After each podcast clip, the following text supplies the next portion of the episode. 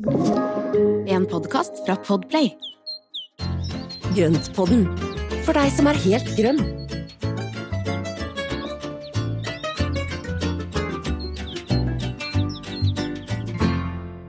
Hallo alle sammen, velkommen til Grøntpodden med Espen og med Marianne. Eh, Espen, jeg tenkte at nå er det på tide, jeg vet at du har lyst til å si noe, men du skal få si noe annet. Du skal fortelle litt om hvem vi er. Kan du gjøre det? Ja, men jeg elsker jo det. Ja. Altså, det beste jeg vet er å fortelle hvem vi er. Nei, jeg forteller Nei, det har vi jo gjort med jevne, eller ujevne mellomrom. Mm. Det har vi jo egentlig gjort. Og det er jo litt fordi at vi har jo stadig nye som kommer til, og noen som da kjenner oss veldig godt fra før, og har fulgt oss gjennom nå eh, i lang, lang tid, og 100 og hva er det, 26, nå 127 episoder. Wow. Så det er liksom, eh, det er ganske mange timer med vårt, vårt, vår prating. Mm. Eh, Men vi er jo Vi har jo kjent hverandre i en årrekke, og vi jobbet jo sammen i Skipstedt Forlag, hvor du var redaktør og jeg jobbet med salg på kommersiell side i et eh, interiørmagasin som het Design Interiør. Mm. Eh, og så har vi jo egentlig hatt kontakt jevnlig hele tiden, men, eh, men, eh, men det ble mye etter at du flytta til Skåne til en fantastisk gård der nede. Ja, for da trengte jeg hjelp. Jeg gikk jo fra naturtomt på Nordstrand til eh, stor hage eh, på denne gården i Høganes, og da var det så fint å ha Espen som sånn orakel. Og så fant vi ut at ja, men det her er det jo flere som også kunne hatt glede av. Og alle de, både spørsmålene og svarene. Eh, og da starta vi grønt på Nå er det jo Det har jo vært kjempegøy. Ja. Eh, og veldig gøy å få lov å formidle da de tingene vi, vi både har snakket om eh, oss, men også da masse innspill fra dere som lyttere. Hvor, eh, hvor vi da får stadig nye innspill som gjør at vi da kan dra egentlig podden i litt ulike retninger. Ja. Og, og vi har jo, altså min bakgrunn er jo som blomsterdekoratør. Eh, Jeg ble utdanna på Bedre gartner- og dekoratørskole i Århus. Så med, på en gartnerskole så var det også mye mer gartnerfag enn mange andre skoler. Så det var jo noe som jeg syns var veldig fint, fordi jeg liker jo dyrkingen veldig godt. Og fikk jo mitt første blomsterbed som seksåring. Så jeg har jo dyrka bokstavelig talt hele livet. ja, tenk på det. Ja. Og du er, jo 20, du er jo 26 år i dag, så vi kan jo tenke oss hvor mye du kan Litt eldre, kanskje. Men, eh, men i hvert fall gleden over å dyrke, det er jo noe som du formidler veldig bra. Eh, både her i Grønnpodden og boka di, og bloggen din og Instagram og overalt. Eh, TV Mm. snart, da. Eh, Ja. mm, Det var jo veldig spennende med God morgen Norge på besøk på mandag. ja. Så det var kjempegøy og Mhm. utrolig hyggelig, og veldig, veldig stressende. ja. For jeg vil jo at det skal se pent ut, jeg vil at ting skal se liksom smashing ut når det først eh, skal på TV. Og når jeg da våkner opp klokken seks, og da løvet har blåst til i hagen, og himmelen åpner seg med øsregn, så tenker jeg at da ble jeg litt sånn, eh, ja, da ble jeg litt stressa. Men det her må jo du ha blitt litt vant til, for det har vel sikkert vært skiftende vær under innspillingen eh, i, i våres og sommer også av, av sommerhytta. Ja, det, det var jo det, men det er jo på en måte litt annerledes, for at da har man jo eh, Da har man, er man jo også en del innendørs. Mm, ja, ja. Eh, og så er det jo De har jo også en backup med da innendørslokale på, på ting hvis det er ekstremt dårlig vær, da. Mm. Men man skal jo tåle litt vær og vind, ja for all del. Men eh, jeg vil jo at det skal se pent ut. Men ja. det været som kom da, altså denne uka her, det var jo da på mandagen utover til tirsdagen. Det blåste og det herja så fælt i hagen, så ting hvelva over ende og knakk og brakk mm. og så ikke ut etterpå. Nei. Så alt i alt så var jeg veldig heldig, for Ja. at de, God morgen Norge fikk se denne hagen før stormen kom. ja, det var bra det, da. Godt tima, tross alt. Ja. Mm. Nei, men altså, det har blåst også her, eh, her nede i Skåne, eh, så jeg var redd for at vi har sånn Over sp- spiseplassen vår så har vi en sånn tenker jeg som er naturlig parasoll. Det er en grein med masse blader som liksom strekker seg utover bordet. Og den Mm. fryktelig i går kveld. Da tenkte jeg at det var takk og farvel. Men den er her fortsatt i dag, så altså, plantenes fleksibilitet er jo bare å ta seg hatten for, altså. Utrolig. Men, det er, eh, men naturen klarer seg veldig ofte, altså, og det er, jo det, som, det er jo det som er litt av grunntanken i det vi snakker om også, er at eh, naturen ordner mye sjæl. Mm. Ja, ja. eh, og sånne ting. Så, men det var litt av min bakgrunn som blomsterdekoratør og butikkdrift og kommunikasjon i alle kanaler. Men du har jo også en veldig spennende bakgrunn med, med både som redaktør og produsent og som det ene og det andre du innenfor da, interiør og design og masse. Altså du har jo holdt på med dette her i også store deler av livet. Vet du hva, jeg har vel Jeg pleier å runde oppover. Jeg er ikke helt på 30 år ennå i mediebransjen, men det er ganske nære. Som er helt Ja. utrolig. Uh, ja, og jeg har jo gjort alt det du sier. Jeg jobba, begynte jo som nyhetsredaktør Ikke redaktør. Nyhetsjournalist. Absolutt ikke redaktør. I, eh, i VG, eh, nettredaksjonen i VG, VG-nett. Um, og gjorde alt mulig rart. Fant vel ut at jeg ikke var liksom akkurat den revolverjournalisten uh, uh, som andre syns jeg skulle være. Så magasin og interiør har jo alltid vært stor kjærlighet. Mm. Så da begynte jeg med det istedenfor. Gled elegant over i magasinbransjen. Og Mm. stortrives der. Kan savne litt Ja. den derre pulspådragene som når, når det skjer store nyhetshendelser. For det er liksom noe av det Ja. beste med å være nyhetsjournalist. Uh, men ellers så trives jeg veldig godt blant puter og planter og alt som er vakkert og fint. Mm. Ja, men det er ikke bare vakkert og fint, men det er jo også utrolig mange historier, og det husker jo jeg selv fra den gangen jeg jobba med interiør, er at det er jo så mye historier som ligger bak. Det er mye godt håndverk, det er gamle Absolutt. tradisjoner, det er, det er eh, Altså det er som sagt historiene der som er verdt å fortelle, og som kanskje eh, bør komme fram enda mer, for det er så mye spennende ting som ligger bak det designet og de tingene som vi omgjør oss med i dag, da. Absolutt. Og jeg, ja, jeg skal ikke forminske å bare si puter og planter. Altså, det her er så viktige deler av livene våre. Um, Mm. Og det er jo også det jeg er mest opptatt av når jeg skriver ja, både om når vi snakker om hager og planter, og også når jeg lager interiør- og designreportasjer, er jo det at det her er ting som påvirker hvordan man har det. Og det ser vi jo, ikke sant. At, at uh, farger påvirker deg. uh, om du har myke tekstiler du kan lene deg inn mot etter en slitsom dag. Om du har en yndlingsplante Mm. som du blir glad av å se på. Det kan liksom synes så lite sett opp mot, jeg vet ikke, eh, storpolitikk og teknologiske framskritt, men det er jo der vi begynner og slutter og er hver dag, er jo i de omgivelsene våre. Så, Mm. ja, og det syns jeg liksom, for meg så er det en veldig sånn sammenheng mellom inne og ute på den måten, da. Ikke sant? Og det er derfor Mm. det er så gøy også for meg å få utforske det mer i Grønnpodden sammen med deg. For der kan Ja. du mye, og du har masse erfaringer. Jeg er kanskje ikke helt nybegynner eh, lenger, men, men eh, ja, vi vet vel Vi vet hvor vi er på kunnskapsskalaen da i forhold til hverandre. Og det er, det, jeg er jo veldig glad for at vi, vi holder på med det her. Nå har vi holdt på i snart to år. Ja, vi har det, og det er jo en veldig drøyt. Ja, og det er veldig utviklende. Jeg syns jo det er kjempegøy både å, å Men også se din utvikling innenfor dette her. For du er jo blitt du, Altså, du stiller jo helt andre spørsmål. Du er em, du, du svarer på en helt annen måte. Det er en eh, For de som da har fulgt oss helt fra start, så vil jo Jeg tripper at alle kan høre at det har vært en stor utvikling også hos deg på kunnskapsnivået på planter. Åh, gud, så hyggelig. Du er litt som sånn, er- du er litt sånn mentoren, eller hva skal jeg si, jeg, ser du nå gjør jeg sånn, pu- ser du den? Den der Karate Kid, vet du. Sånn, du ja, Karate Kid, vaske, vokse av, vokse på. Ja. Jeg peprer deg med grønt innhold hele Ja, tiden, vet du, ja. så det blir bra. så står du der med bonsaien din og klipper. Ja, nei, nå er vi på viddene. Men altså, i dag så skal vi da, for å så komme litt inn på temaet, Mm. ehm, og det her bunner jo også litt i det at eh, vi vil ta vare på de tingene vi er glad i, i dette Mm. tilfellet vekstene våre.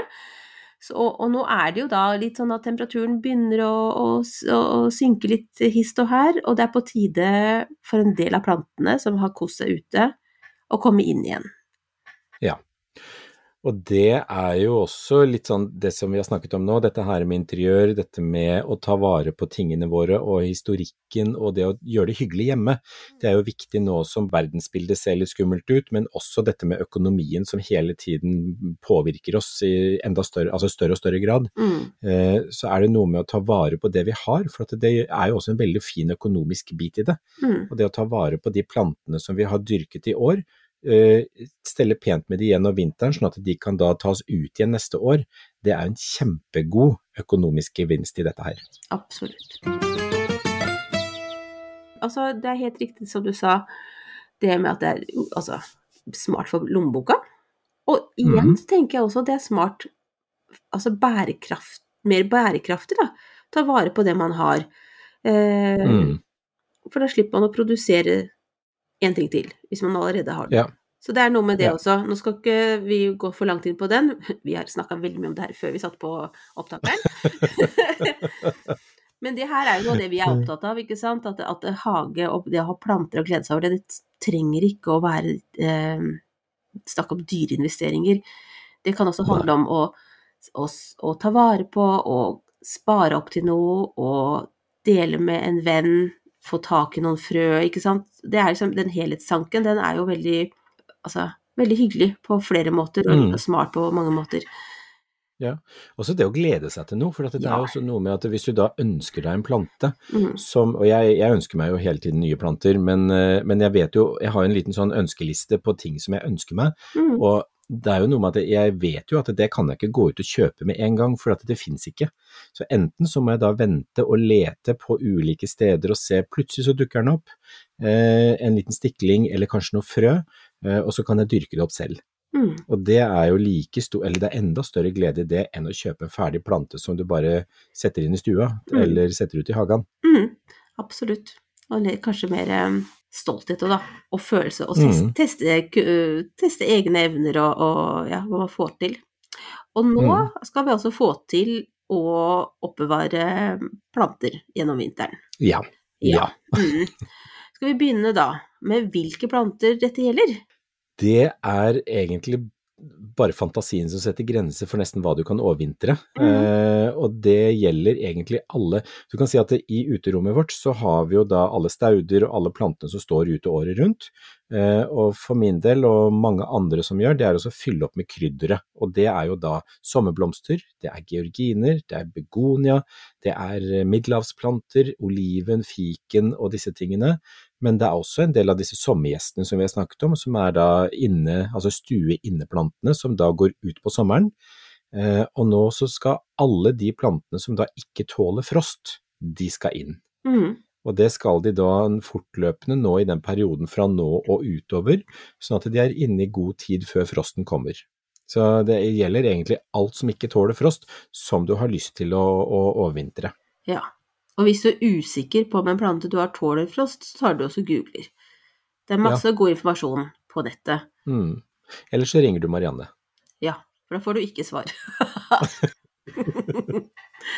Nei, bare ring Espen. Altså, han, er alltid, han er aldri overarbeida, så det går kjempefint. Nei, men det går jo også an å spørre der du har kjøpt den. Hvis du har, Ja. hvis du har kjøpt det ja, i en altså en plante hagesenter eller sånn, så vet de masse om det de Eller bør vite det, i hvert fall, det de selger. Ja, men jeg tulla litt med det, altså. Men det som er veldig lurt, det er å snakke med folk rundt seg. Og Mm. det å da spørre andre som har erfaring, det kan være familie, det kan være venner, det kan være Jeg vil ikke anbefale grupper og sider på Facebook, for at der er det ofte så mye rare svar. Fordi at der er det veldig mange som kaster seg på og svarer uten at det nødvendigvis er så kvalitetssikra det, det svaret. Så jeg ville heller tatt et Google-søk, eller å spørre noen venner som har erfaring med akkurat den type plante som du lurer på. Mm, det er smart. Jeg tenker på en annen ting, og det er jo når er det man skal begynne å tenke på at det er på tide med retretten inn. Altså, Er det noen varselstegn, eller pleier, hvordan pleier du å gjøre det? da? Plutselig så står du der og, så, sånn, og våkner opp til 'Å ja, det var frost i natt'. Det er litt ergerlig. Ja, ja. Det beste verktøyet som jeg bruker, det er jo for det første å holde øye med hagen og se hvordan plantene utvikler seg. Eh, Men jeg har jo da langtidsvarselet. Jeg bruker pent.no, fordi at der kan jeg både yr og storm på samme stedet. Så ser jeg der når er det nattetemperaturen begynner å bevege seg ned under fem grader. Eh, og det er sånne magiske grenser, for at de, altså de mest uh, tropiske plantene og de mest varmekjære plantene, de tåler jo ikke under 15 grader. Mm. Men veldig mange klarer seg ned til 10 grader. Det inkluderer også koleusen, altså palettbladet eller praktspraglen, som uh, mange har ute. Og da, når det kommer under 10 grader, så begynner plantene å sture og egentlig gå litt i stå, slik at ikke de eh, alltid kan hente seg opp igjen etterpå. Mm. Eh, og så har du andre vekster, sånn som middelhavsplantene, oliven, sitron, appelsin, fiken, alle disse, de tåler fint å komme helt ned mot null grader. Så det å bare finne de kategoriene og de der temperaturintervallene eh, Og når da, sånn som her, da, når da jeg ser at det kommer til å bli under ti grader eller under fem grader, eh, da begynner jeg å plukke plantene inn. Mm. Eh, og en annen ting, det er jo da sånn som alle sukkulenter, kaktuser og de som ikke skal være for våte, de kan gjerne tas inn under tak før eh, eller tidligere, men da også før det blir for vått, for at det blir mye regn som da, i kombinasjon med kjølig vær, som gjør at de, de, de vil fort råtne. Mm. Og hvis de blir satt inn til overvintring med, våt, eh, altså med våt, eh, våte røtter, så, så vil de ofte råtne underveis før våren kommer. Men vil det da si at det går an å ha en mellomstasjon, altså sette de inn under et verandatak eller noe sånt, eller vil, er det da, Mhm. ja, så at du fortsatt kan glede deg over dem ute til siste mulighet?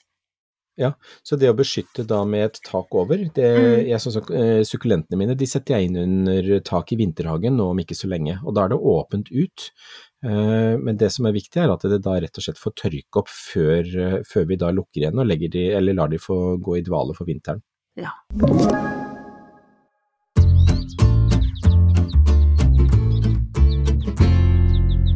Ja, hvordan gjør vi det her rent praktisk? Altså, du har jo utrolig mange planter som fyker inn og ut eh, alt etter været og årstidene. Så har du noen rutiner du kan dele med oss, da, som gjør det litt enklere. enklere? Og hva bør vi huske på? Jeg pleier å si at ikke gjør som jeg gjør. Det, det er, det er, jeg har altfor mange, og jeg, hvert år så sier jeg at nei, nå skal jeg redusere, og så ender det med at det blir enda flere. Så det stabler jo i høyden. Um, det som er litt om å gjøre, det er jo å ta de inn før det blir altfor bløtt og liksom eh, vasstrukkent. Mm. Det tenker jeg er første steg, at man da prøver å liksom ta de inn før de blir for tunge og for bløte og, og dra inn. Eh, og så er det en annen ting, bruk sekketralle. En liten sammenleggbar sekketralle er Mhm. veldig lurt for ryggen, eh, og hvis du skal løfte alt sammen, så husk å løfte riktig. Det er jo liksom eh, kanskje de viktigste tipsene som jeg kan gi, for det er veldig fort gjort at man da sjauer på dette her og, og, og ødelegger ryggen på det. Mm. Og løfte riktig, da tenker vi bøy knærne, ikke sant? Ikke, Bøy knærne, rett rygg, løfte, holde det inntil kroppen, ikke strekke seg ut og løfte. Altså, jeg har prøvd alle varianter, og det, det lønner seg ikke. Mm. Så det er veldig fort å dra på seg ryggvondt av det, og, og det å da løfte riktig, bruke sekketralle på de større krukkene. Men det som jeg gjør med en del av plantene, det er spesielt på fuksia og en del av de andre tingene, det er jo det å ta av en del bladverk, klippe litt tilbake før det skal inn. ja. Fordi eh, sånn som når da jeg setter Altså jeg setter jo alt dette her som går inn, eh, det skal inn i vinterhagen min, hvor det er temperatur på mellom 5 og 10 grader og lyst. Det er liksom eh, oppbevaringa mi. Og da setter jeg på en luftavfukter som holder, nei, eh, som holder luftfuktigheten nede på rundt 70 70-75% Nei, og så tar jeg og fjerner en del av bladmassen før jeg tar det inn. For da er det med på liksom å, å få fuktigheten ned, egentlig, så det blir ikke så mye fordampning. Mm, akkurat. Gjør det også at det blir mindre fare for at det skulle bli noe muggdannelse og sånne ting? Ja, Mm. det gjør det. Og det er også et veldig godt poeng, Marianne. fordi det å ta bort alle altså Dette er brutalt, altså, men det å ta bort alle knopper, alle blomster, Mm. uh, alt det visne blader, alt som er av vissent plantemateriale. For at det, når de plantene er til overvintring, så er det ikke noe vits i at de står med knopper, for det er ikke der de skal liksom blomstre og være fine. Så det å strippe fuksiaen for alle blomster, alle knopper, bare dra det av. Eh, engletrompeten som, er, som jeg har ute nå, den er jo tre meter høy. Den må jo klippes ned for å komme inn under tak, og jeg Mm. klipper av alle knoppene som er igjen. Oh. Så hele den prosessen er jo ganske brutal, men dette Mm. er en del av høsten, altså. Mm. Så jeg har jo latt meg lure til å la det henge igjen blomster og knopper og sånne ting, og det detter allikevel av litt seinere, og så mugner det fort. Ja. Ikke noe vits i. Nei, det er sant. Du, jeg er jo så egoistisk, så jeg tenker jo alltid på mine egne planter, og da er det agapantusen. Altså, mm. tar du og klipper av dem også? Nei, der tar jeg bare og fjerner de visne bladene, mm. og så klipper jeg av blomsterstilkene hvis det er igjen stilke på den, og så setter jeg den inn. Og den skal jo ikke ha noe vann, hvis den står kjølig, så skal ikke den ha noe vann før våren igjen. Mm. Så da tar jeg den bare inn, og så setter jeg den sånn at den får luft på alle kanter. For hvis plantene blir stående for tett, at det bladverket er liksom inntil hverandre, så er det også veldig fort at det er mugg og råte som oppstår. og Mm. Det er jo kanskje den største faren når vi plukker inn alt som er fuktig og som har blitt mye bladmasse, så er det rett og slett sopp og råte som er største faren. Mm. Du har jo vinduer, du har mye lys i vinterhagen din. Ja. Men er det Mm. Det er jo sånn det, Altså, balansen mellom lys og temperatur snakker vi jo mye om. Mm. Det, er det noe Hva skal man tenke på rundt det? Skal, er det samme hvor de, bør de ha litt lys under vinteren? Eller Det kommer litt an, ja, eller det kommer litt an på temperatur, for det, er denne balansen som vi ofte snakker om, og det er hvis du har en temperatur på mellom fem og ti grader, så er det ikke så stort behov for lys. Nei. Uh, og jeg husker mormor hadde jo da sine, alle pelargonier og fuksiaer, som hun hadde år etter år etter år, satte hun ned i en iskald vaskekjeller, som det var plussgrader, men der var det kanskje, ja, vet ikke, fire-fem grader. Og der sto jo du i stummende mørke Mm. hele vinteren. Og så fikk de jo disse lange, tynne vannskudda som da kommer når du da får for lite lys, men hun tok bare og klipte alt det tilbake igjen, og så begynte å dyrke på det på våren, og da kom jo det ut med fine skudd igjen. mm, Så det går helt fint å ha et mørkt sted, men da er det viktig at temperaturen er lav, frostfritt, men lav temperatur. mm. Det gjør det jo mulig å få plassert dem litt flere steder enn det man kanskje i første omgang tror man har mulighet til. Hvis man da har en Mm. kald bod, eller det er en garasje som du har litt ekstra plass i, så går det an å sette det der Ja. Mm. Ja, ja, ja. Og det er jo det som er, man må være kreativ, og det er jo, jeg tror jeg har fortalt det en gang før, men da jeg bodde i leilighet i byen og hadde en terrasse på, i, på leilighet, eller i leiligheten, og da fylte jeg jo, da snakka jeg med naboene, og så fylte jeg hele trappeoppgangen med planter i alle vinduene. Og det var overvintring, og der var det på liksom et, ja, det var rett over frysepunktet, så det var liksom en, ja, det var rundt fem grader kanskje. Mm. Og da sto jo alle plantene i alle vinduene fire etasjer oppover, fylt opp. Så jeg hadde jo snakka med alle naboene som sa det var, eller syntes det var Mm. greit. Og, Mm. men um, det gjør jo at man da I dag så har man kanskje ikke en trappeoppgang som er kjølig eller sånn, men kanskje man har et kjølig soverom man kan da sette inn noen planter på. Eh, kanskje er det en, som du sier, en kjellerbod som, som man ikke bruker, eller en garasje som er delvis oppvarma eller isolert. Så det kan være ulike områder som man kan gjøre det. Og blir det varmere enn disse fem til ti gradene, så kan man supplere med vekstlys. Ja, nettopp. Så det er en mulighet da, altså, hvis man ser at temperaturen ikke blir helt optimal. Mm. Og det er jo det som er at hvis det blir for varmt, og hvis det, plantene har det for dårlig, så er det veldig stor sannsynlighet for at det blir angrepet av utøy, og at det er lus og spinnmidd og, og, og ikke minst trips og sånne Mm. tull og tøys som kommer og tar, tar plantene. Og så er det sånn at disse plantene skal ikke ha næring på denne tiden, for nå sover de, eller er i dvale. Mm. Noen av de skal ha litt vann. Ja. Er det noen regel på det, hvem det er, eller bør man google seg fram?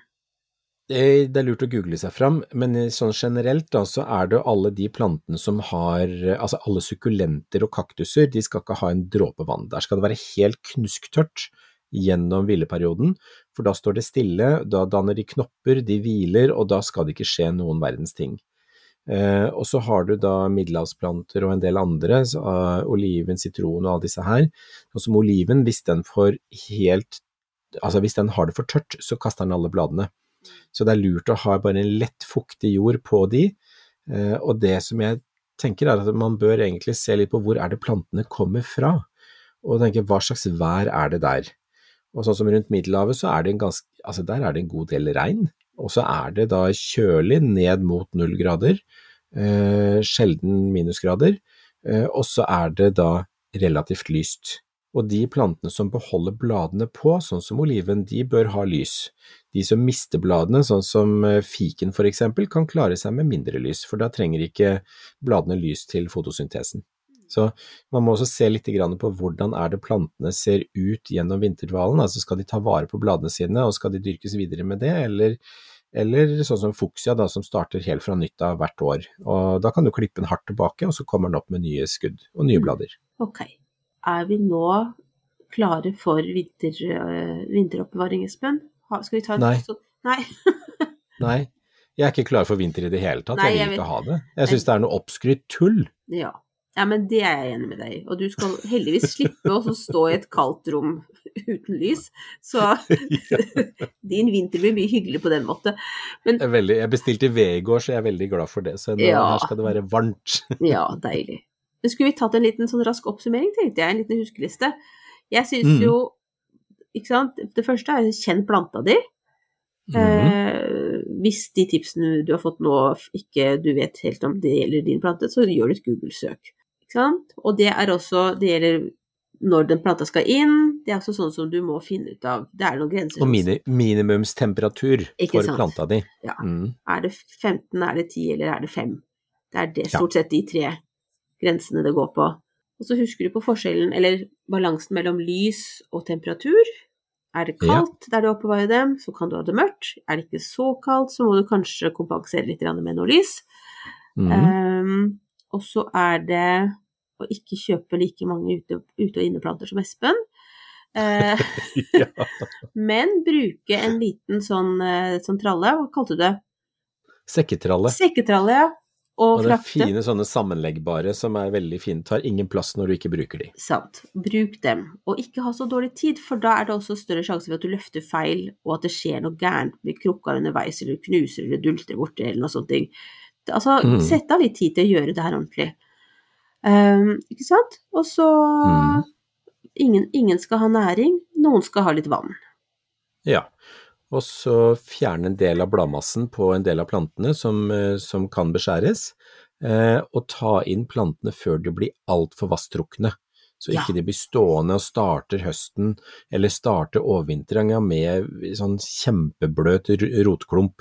For det er det ingen som liker. Ja, så bra. Da er vi klare. Det er jo en del tips til HB, så ja. Ja, jeg føler meg veldig klar. Jeg har ingen Jo, jeg har, det er agapantusen, ellers så har jeg ingenting som skal inn, jeg, Espen. Da kan man også ordne seg det. Det er enkel jobb. Ja.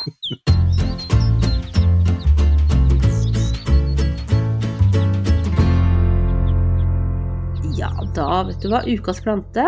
Her har han Ja. Espen funnet på noe igjen. Nå kan du få lov til å si hva det heter på latin, for det har- klarer ikke jeg å uttale engang. Dette her er en Siningia conspicua, eh, og for alle de som ikke liker gule blomster, så her er gul kult. Så dette her er, er Altså, jeg syns den er så fin, og den lukter svakt av sitron. Den er uh, nydelig. Dette her er en plante som jeg egentlig kom litt på nå, for at jeg har tatt noen bilder av den selv, fordi jeg sådde den i fjor.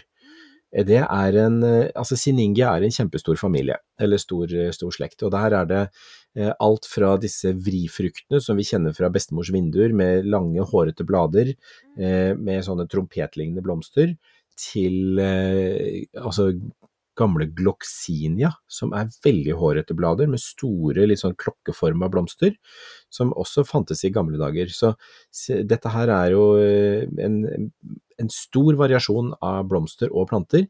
Dette her er en Siningia conspicua som har en caudex, dvs. Si en stor klump i, eh, som røttene kommer ut fra, danner da denne, denne sukkulente klumpen som eh, de samler altså både krefter og næring og, og fuktighet i.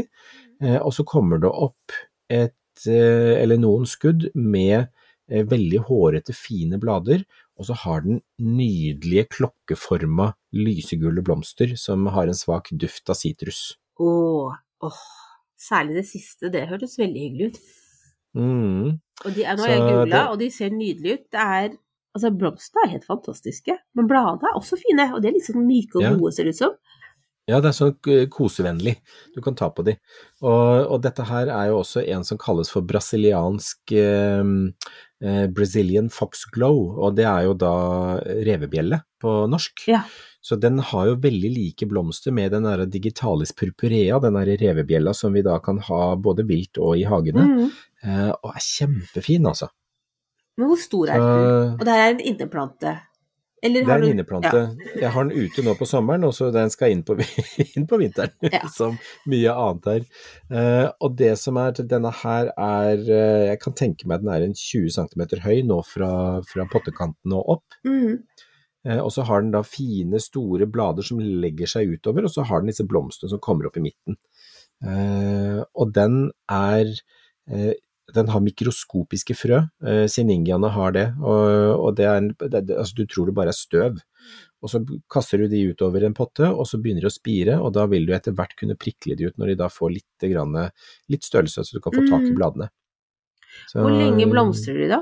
Det er jo det jeg er mest opptatt av. Ja, denne her har faktisk blomstra nå siden midt på sommeren, og står fortsatt med blomster. Oi. Så den har blomstra kjempelenge. Eh, i, den ene står i drivhuset, og så er en ute på terrassen. Og begge to står fortsatt med blomster og er kjempefine, så den har holdt på lenge, og den kommer stadig med nye knopper på, på, på det liksom, sent, altså senterskuddet som den har. Så den er kjempefin, og er eh, altså Det er også en plante som går i dvale, den skal stå inne på soverommet i vinter, hvor den da vi får lov å visne ned. Eh, og så vil da denne kaudeksen, den klumpedumpen, den vil da stå stille til neste år, den skal være lett fuktig, og så kommer den opp igjen til våren, og da kommer det kjempefine blader. Den skal kanskje stå på litt mer grader enn fem. Er de på 15 Ja. eller noe sånt, eller? Ja, den har en minimumstemperatur på fem, men jeg har lyst til å ha den inne, så jeg tenker sånn 10-15 grader. Mm. Uh, og det er jo, den er jo fra Brasil, uh, Ja. så den kommer jo da fra Brasil og er vant med litt mer, ja, litt mer fuktig og, og varmere om, si, miljø. Men det som er også at det finnes en tilsvarende Siningia leucotrica, som den heter. Den har sånne helt hårete grå blader, og den har vi hatt som ukas plante en gang Mhm. tidligere. Med oransje blomster som kommer Yes. veldig sånn i senter på hvert eh, bladstilk. Mm. Jeg huska det ikke, men er jeg søkte på Siningia, så kom den- den også opp, så da huska jeg den. Ja. Den er veldig, det er- kjempestilig. Ja, den er kjempefin, og den sådde jeg for snart 25 år siden, så der begynner kaudeksen å bli Den er jo nå en 15 cm i diameter. Oi, Så, wow. og det som er gøy med disse her, at disse siningiaene, de kan tas Altså én ting er å sette, det, altså sette frø eller så frø, men de kan også tas eh, bladstiklinger av de. Veldig mange av de kan fungere veldig godt med bladstikling, og da er det å ta et blad som er godt utvikla, stikke det i jorda, holde den jevnt fuktig, og så vil da altså den rote seg, og så kommer det en ny plante og ny kaudeks på den. Utrolig. Skal man da ha en, Mm. noe plast over, eller noe sånt med lufthull og sånn, eller? Ja, det er lurt å ha plast over, og jeg har stående nå noen i drivhuset, fordi at jeg har også en Sininga cardinalis som har litt annen vekstform, men også den mye, altså den er mye større caudex. Eh, og der har jeg satt ned fire blader nå, og der ser jeg at de har begynt å rote seg. Jeg måtte grave opp ett for å se, og der har de blandet sånn fint kaldusvev og satt røtter. Det er godt du hadde fire stykker, da, så du hadde en du Ja. kunne sjekke på. Ja, så nå har, jeg, nå har jeg fem ulike siningiaer, og dette her er altså en gruppe med planter som jeg syns er bare kjempespennende. Spennende sukkulentaktig vekstform, hårete, gøyale, fine blader, kule blomster, eh, annerledes og morsomme. Mm. Et siste spørsmål. Ja. Er det vanskelig å få tak i ferdige planter i butikken? Er det her noe du må belage deg på at du må dyrke fram selv? Ja. Ja. Så enten så Altså, du kan ha flaks, og det er, det er ikke ofte at de er å få tak i, men eh, enten så er det å dyrke de fra frø, sånn som jeg har gjort, eller så er det å få tak i et blad og ta den som stikling. Mm. Eh, eller å da prøve å få, få, få kjøpt gjennom eh, samlere eller sånne ting. Så, Ja. Men eh, sånn som den, eh, den gamle jeg har, den er jo dyrka på i så mange år at den ville jo blitt veldig kostbar å kjøpe. Og det er jo noe med at når du da må dyrke planter over lang tid, så blir de ganske kostbare i, i handelen, da. Mm. Ja. For at man skal jo gjerne ha betalt for den tida som gartnerne har stått og dyrka de, de frem. Fullt forståelig. Bra. Ukas spørsmål, Espen. Vi går videre. Jeg, Ja. jeg hadde en, en businessidé for deg, men jeg droppa den når du sa det med at det ble- tok veldig lang tid og var dyrt, så da, da var ikke det noen god idé for Det hadde vært så gøy. Altså bare, tenk om du kunne bare solgt sjeldne planter. Det hadde vært veldig spennende. Ja, det hadde vært kjempegøy. Det er jo noen som har gjort, eh, gjort det, det er eller noen som er veldig gode på det, og det er jo eh, Altså, jeg har veldig lyst til å bare, bare ha en liten shout-out da til f.eks. Melby gartneri ute, mm. på, ute på Vinterbro, eller Spanne eh, gartneri som er på i, Er det Ålesund de er, eller på, på Vestlandet? Så det er jo noen som har da spesialisert seg på sånne fine, spennende både kaudekser og andre ting, altså. Så, Mm. så jeg kjøpte jo en fantastisk kaktus av Melby gartneri i sommer. Den er fin, den. Det kan vi ha for ukas plante neste gang. Det kan vi gjøre. Det kan vi gjøre. Men du, nå går vi videre til ukas spørsmål. Da skal vi ned i vaskekjelleren. Skal vi se. Ja. Jeg har, eh, har en hyggelig vaskekjeller, men vil gjerne ha en plante der. Hva kan fungere? Det er et Mm. lite vindu høyt oppe på veggen. Ja. Eh, altså, alle planter trenger lys, så det kommer litt an på hvilken, altså, hvilken himmelretning det vinduet Mm. er i, og hvordan lyset faller ned til der hvor du vil ha planta.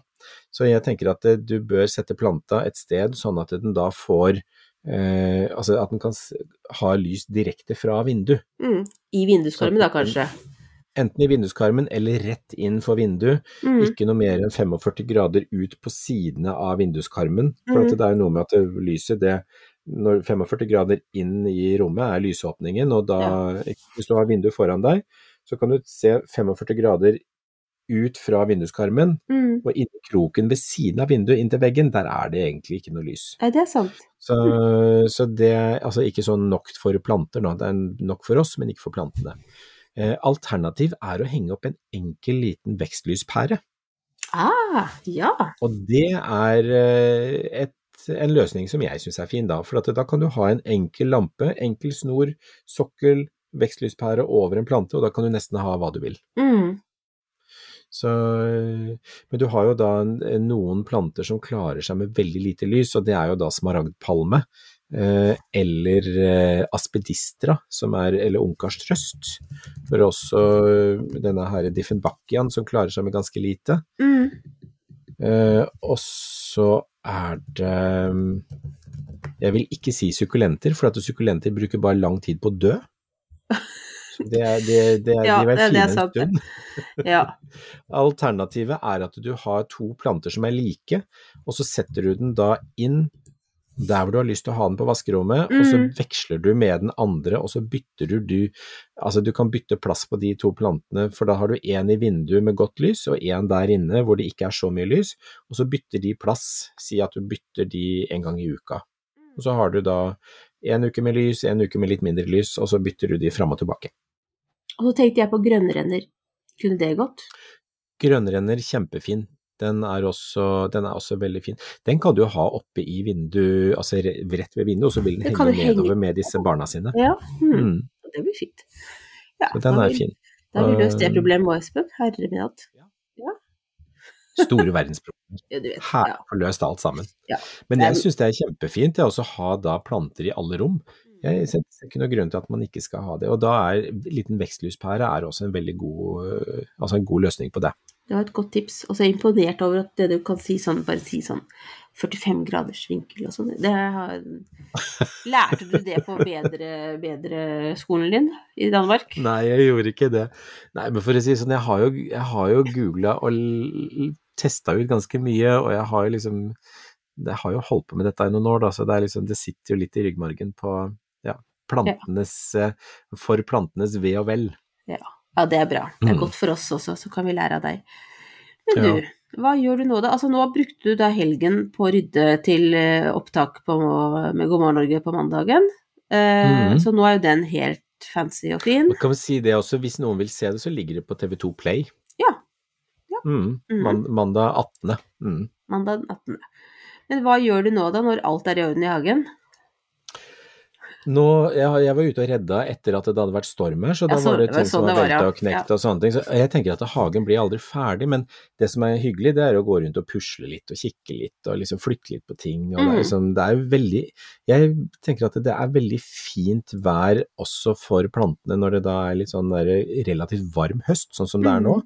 Eh, Så plantene koser seg fortsatt. Det er nesten ikke høstfarver enda. Eh, Men nå skal jeg lage eplekake og eplemos.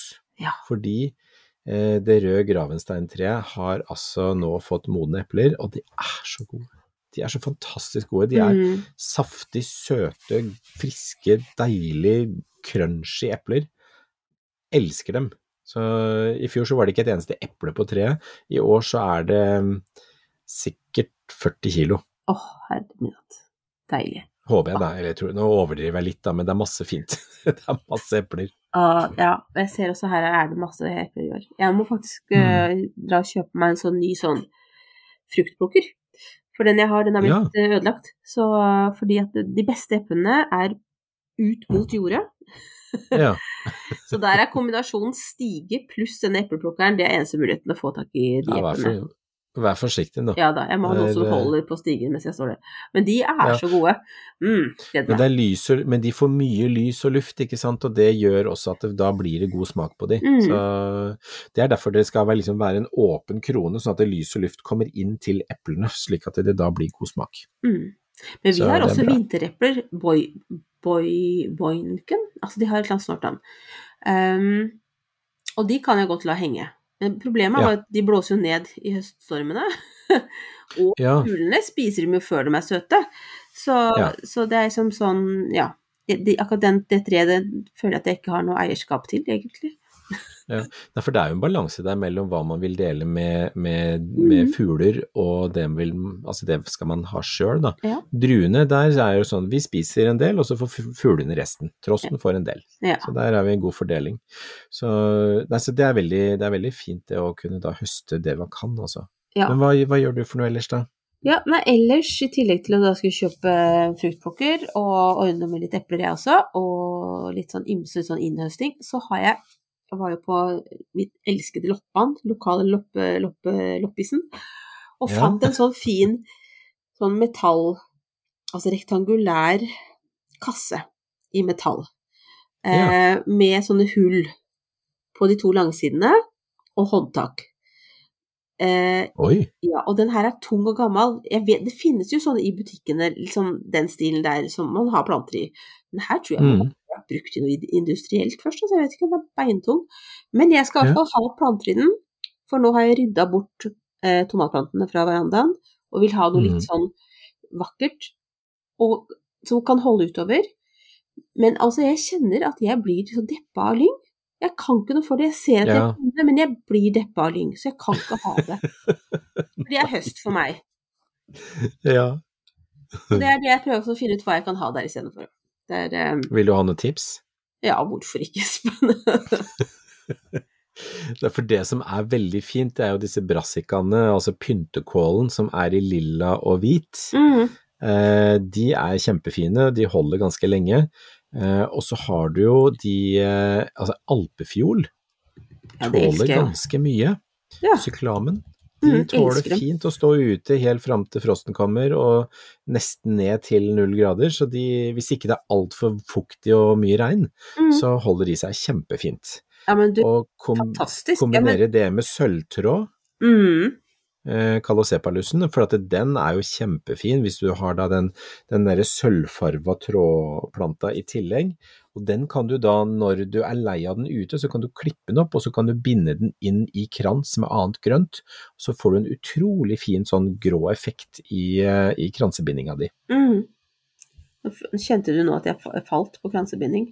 Du vet at jeg har ikke ditt Det klarer det blir liksom ikke sånn. Espen. Men det er en veldig god idé, altså. Så det skal, du skal takk for det.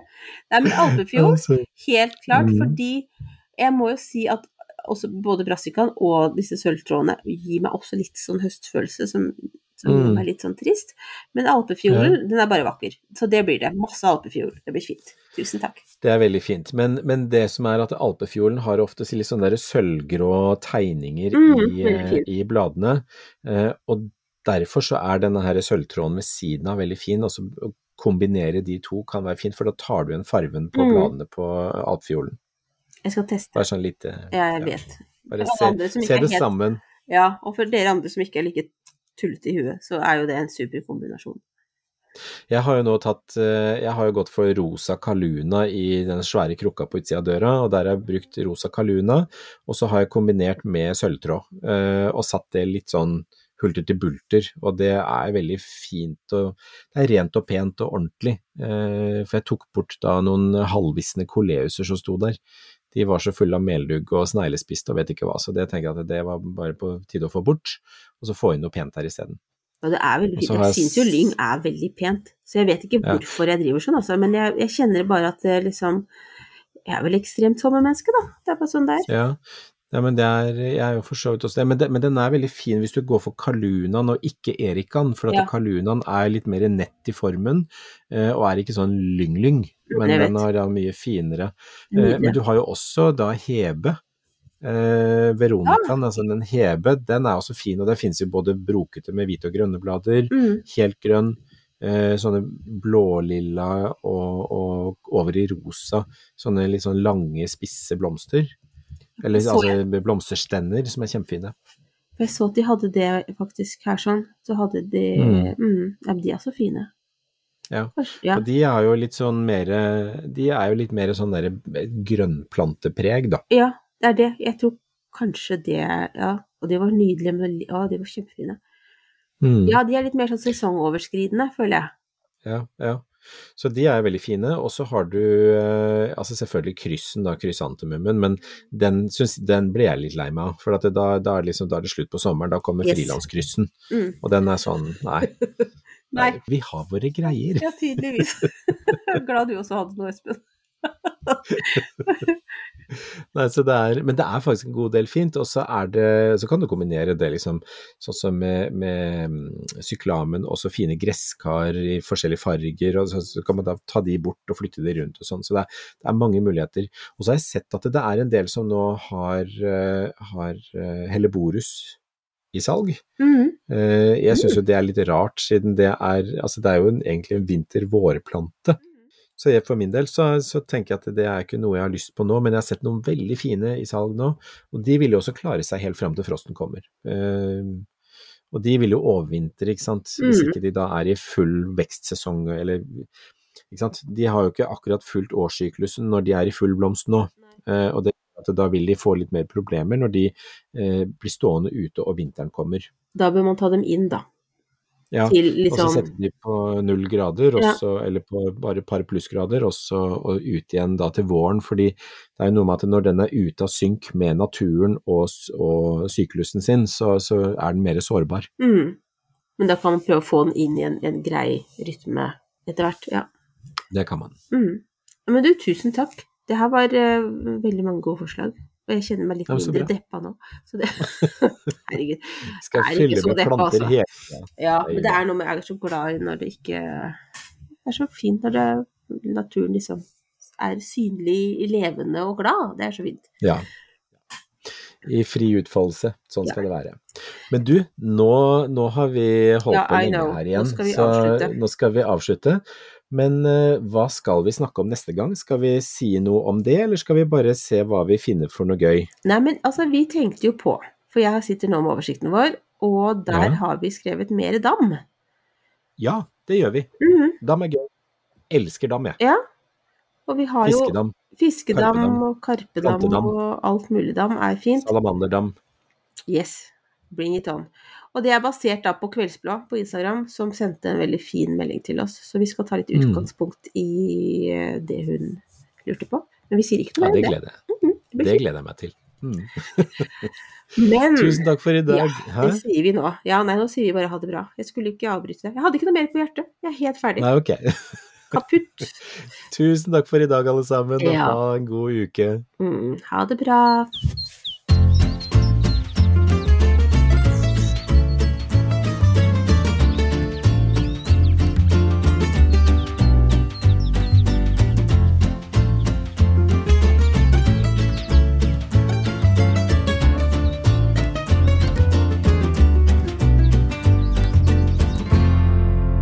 Podkast fra Podplay. En enklere måte å høre podkast på. Last ned appen Podplay, eller se podplay.no.